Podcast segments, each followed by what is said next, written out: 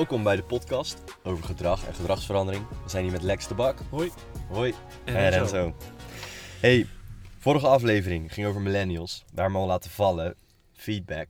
En waarom mensen moeilijk omgaan met feedback. Vooral als we het hebben over millennials. Ik ben er zelf een, dus ik denk dat ik dat kan zeggen. over mijn generatie. Eh, feedback, hoe gaan we daarmee om? En waarom gaan we daar zo moeilijk mee om? Ja, deze moeten we weer lostrekken, denk ik, van jouw generatie. Want Ja. eh, deze valt namelijk te verklaren als je de eerste serie en aflevering hebt geluisterd. waarbij we het gereedschap hebben, hebben doorgenomen.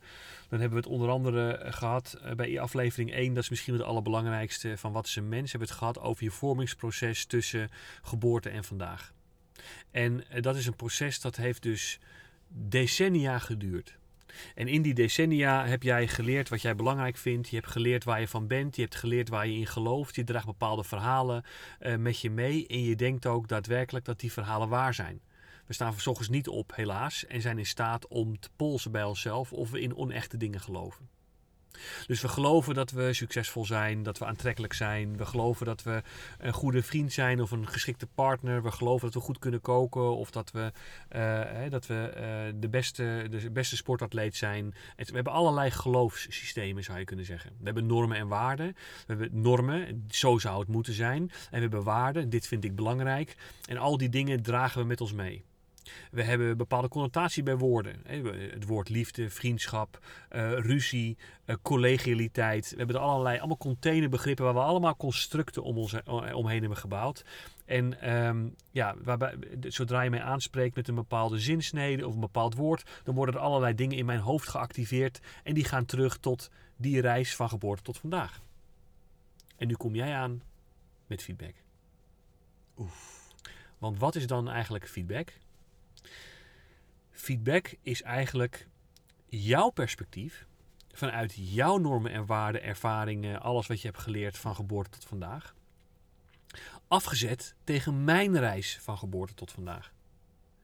En feedback, leuk, bedoel, leuk bedoeld hoor, die term feedback, wordt dus heel snel kritiek voor mensen. Want waarom wordt het kritiek? Omdat namelijk jij in feite mij aan het vertellen bent, mij aan het verstoren bent in mijn bestaande opvattingen.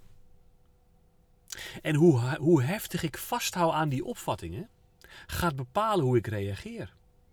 Als ik emotioneel niet gereguleerd ben, mijn, mijn emoties niet onder controle heb, ga ik gewoon boos reageren.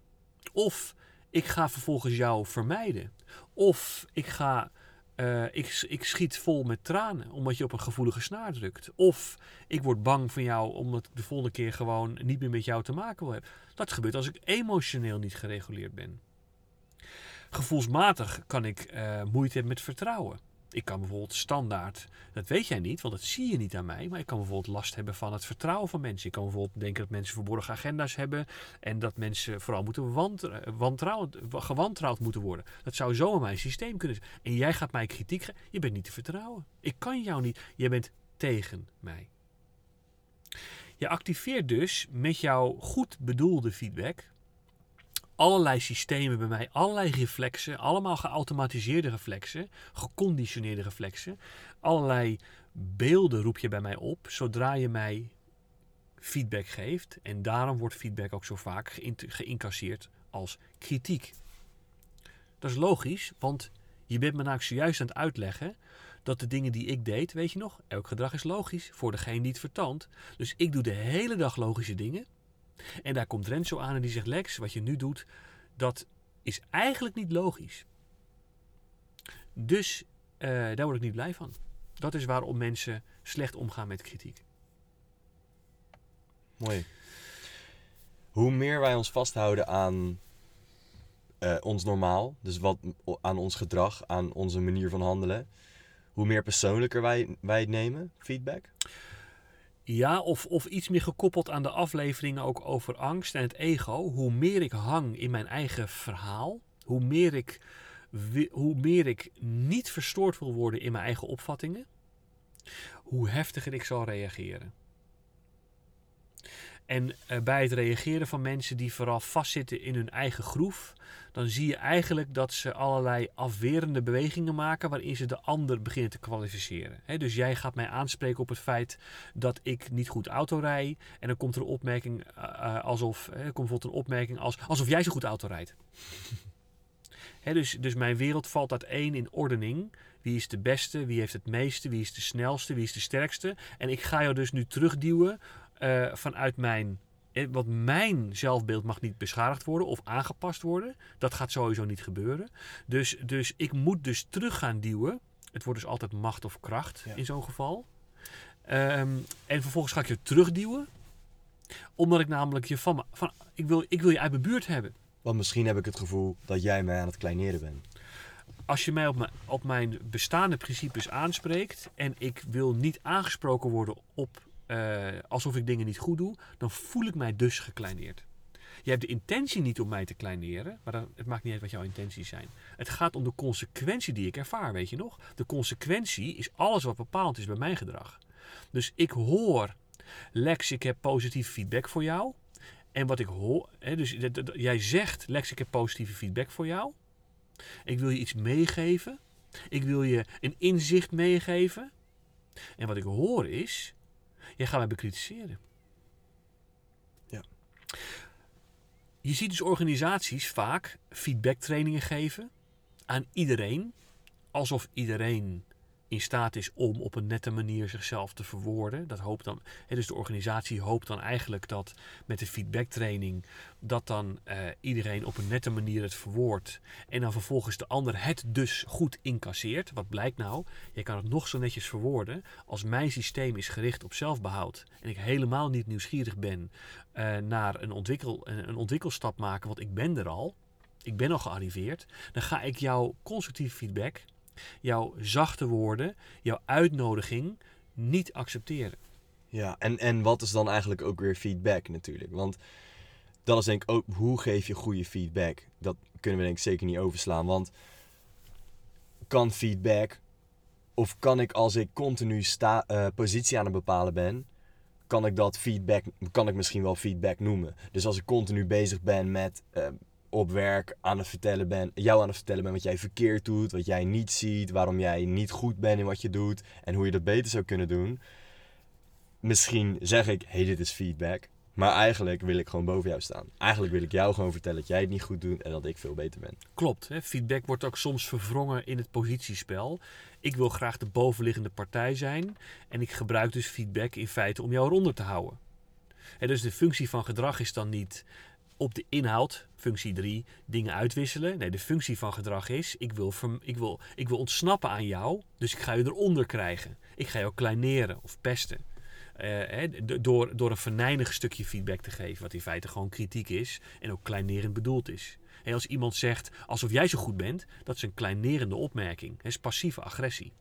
En dus wat je ziet is dat je kunt met de beste, eh, je kunt met de beste intenties kun je een gesprek ingaan en daadwerkelijk in de hoop dat je probeert die ander iets uit te leggen. Maar het referentiekader van die ander moet dat wel kunnen incasseren.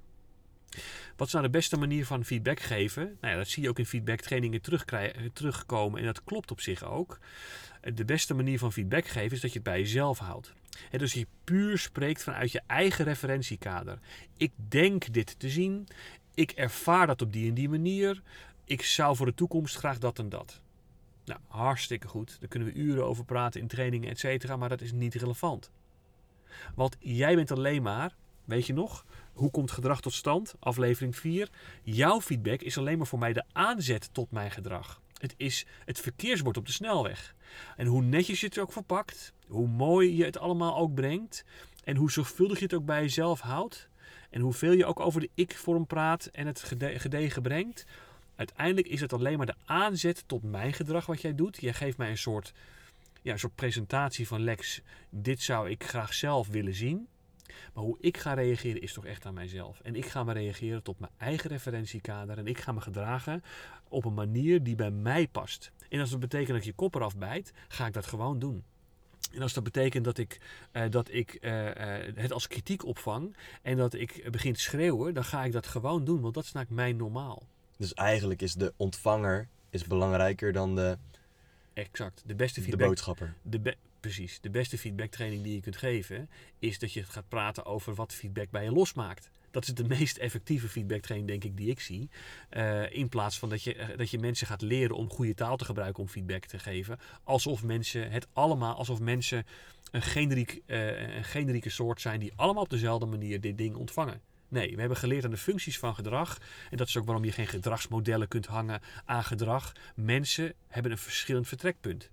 Als ik aandacht wil, positie, status, macht, dan wil ik geen kritiek horen. Als ik vermijden en ontsnappen wil, functie 2, dan wil ik eh, om jouw kritiek heen, om jouw feedback heen. Ik wil er niks mee doen. Als ik op de inhoud stappen wil maken, maar dat is maar een kleinere groep, dan ben ik benieuwd naar wat je zegt. En dan ga ik dat incasseren om, om af te wegen. Hm, interessant.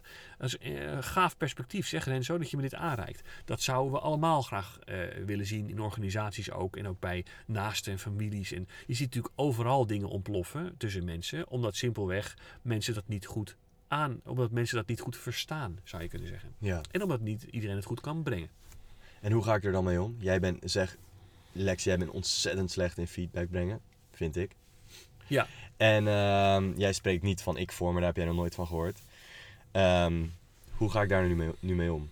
Ja, de vraag is natuurlijk of het waar is dat ik niet goed ben in feedback geven. Hè? Dus, dus ik denk dat het verstandig is om ook aan andere mensen te vragen of mijn manier van, als jij mij het verwijt maakt van Lex, je geeft echt super slecht feedback.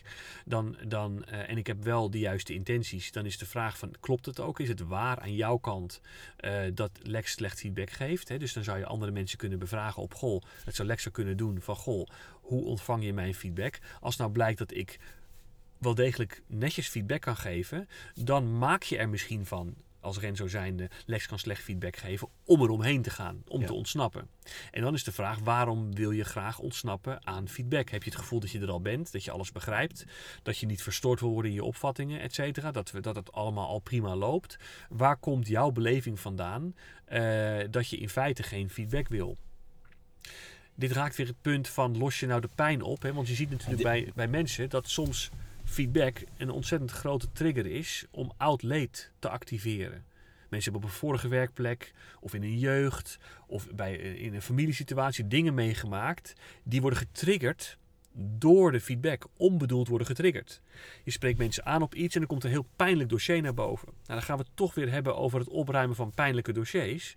Het is dus vrij belangrijk dat als je dus niet, eh, eh, niet wil lijden, hè, zou je kunnen zeggen, dat je dus de pijn van bepaalde dingen oplost, zodat je dus ook als je op de werkplek feedback krijgt, dat het niet tot allerlei emoties leidt, een negatief gevoel leidt. Het is natuurlijk doodzonde. Iemand wil aan de andere kant van de tafel graag met je samenwerken en jij interpreteert dat als aanval.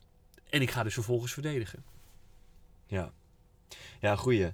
Eh, een docent van mij, ik had een goede docent ehm, op, de, op, het, op het SIOS.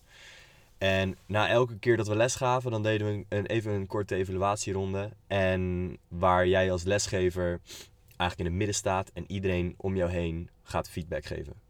Docent, die staat erbij. Het enige wat de docent zegt of, of aan instructie geeft, is de feedback moet gewoon kort en bondig zijn. Niet hele verhalen oplossen, eh, op loslaten. Gewoon, feedback is gewoon wat zie jij, wat denk je, hoe heb jij het ervaren en heb jij eventueel een tip. En voor de lesgever is het enige, eh, ja, niet incasseren per se, maar het niet persoonlijk nemen. Dus niet denken van, oh, ehm, omdat iemand zegt dat ik monotoon praat, praat ik per se monotoon. Maar iemand heeft het zo ervaren, dus wat kan ik daar nu mee doen? Dus het enige wat ik nu weet, zij weten, zij hebben misschien is het is voor maar 5%, ehm, voor 5% van de groep heeft mijn stem als monotoon ervaren.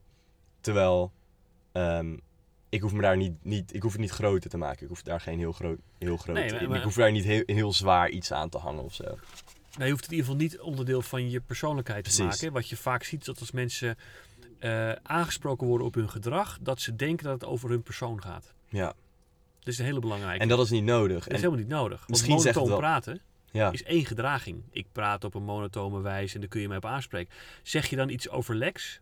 Over, het hele, over de hele persoon die Lex geworden is? Over de, nee, je zegt niks over Lex. Je zegt iets over de gedraging van een monotoon stemgeluid. Heel veel mensen verstaan echter, ik word aangevallen op mijn persoon. Hij heeft kritiek op Lex. Ik deug niet. En dat zou je het liefst willen voorkomen. Dus als je, en wat die leraar doet, is natuurlijk je helemaal kwetsbaar opstellen. Dat je in een groep, eh, dat je de enige bent in een groep die feedback vraagt en je ook letterlijk in het midden plaatst. Dat laat zien dat je leraar ontzettend veel, of je docent eh, ontzettend veel kwetsbaarheid kan tonen. En dus in feite kan zeggen van ik, ik kan daar wel mee omgaan als een groep mensen op mij de, de feedback projecteert. En dat ik dat zelf weeg.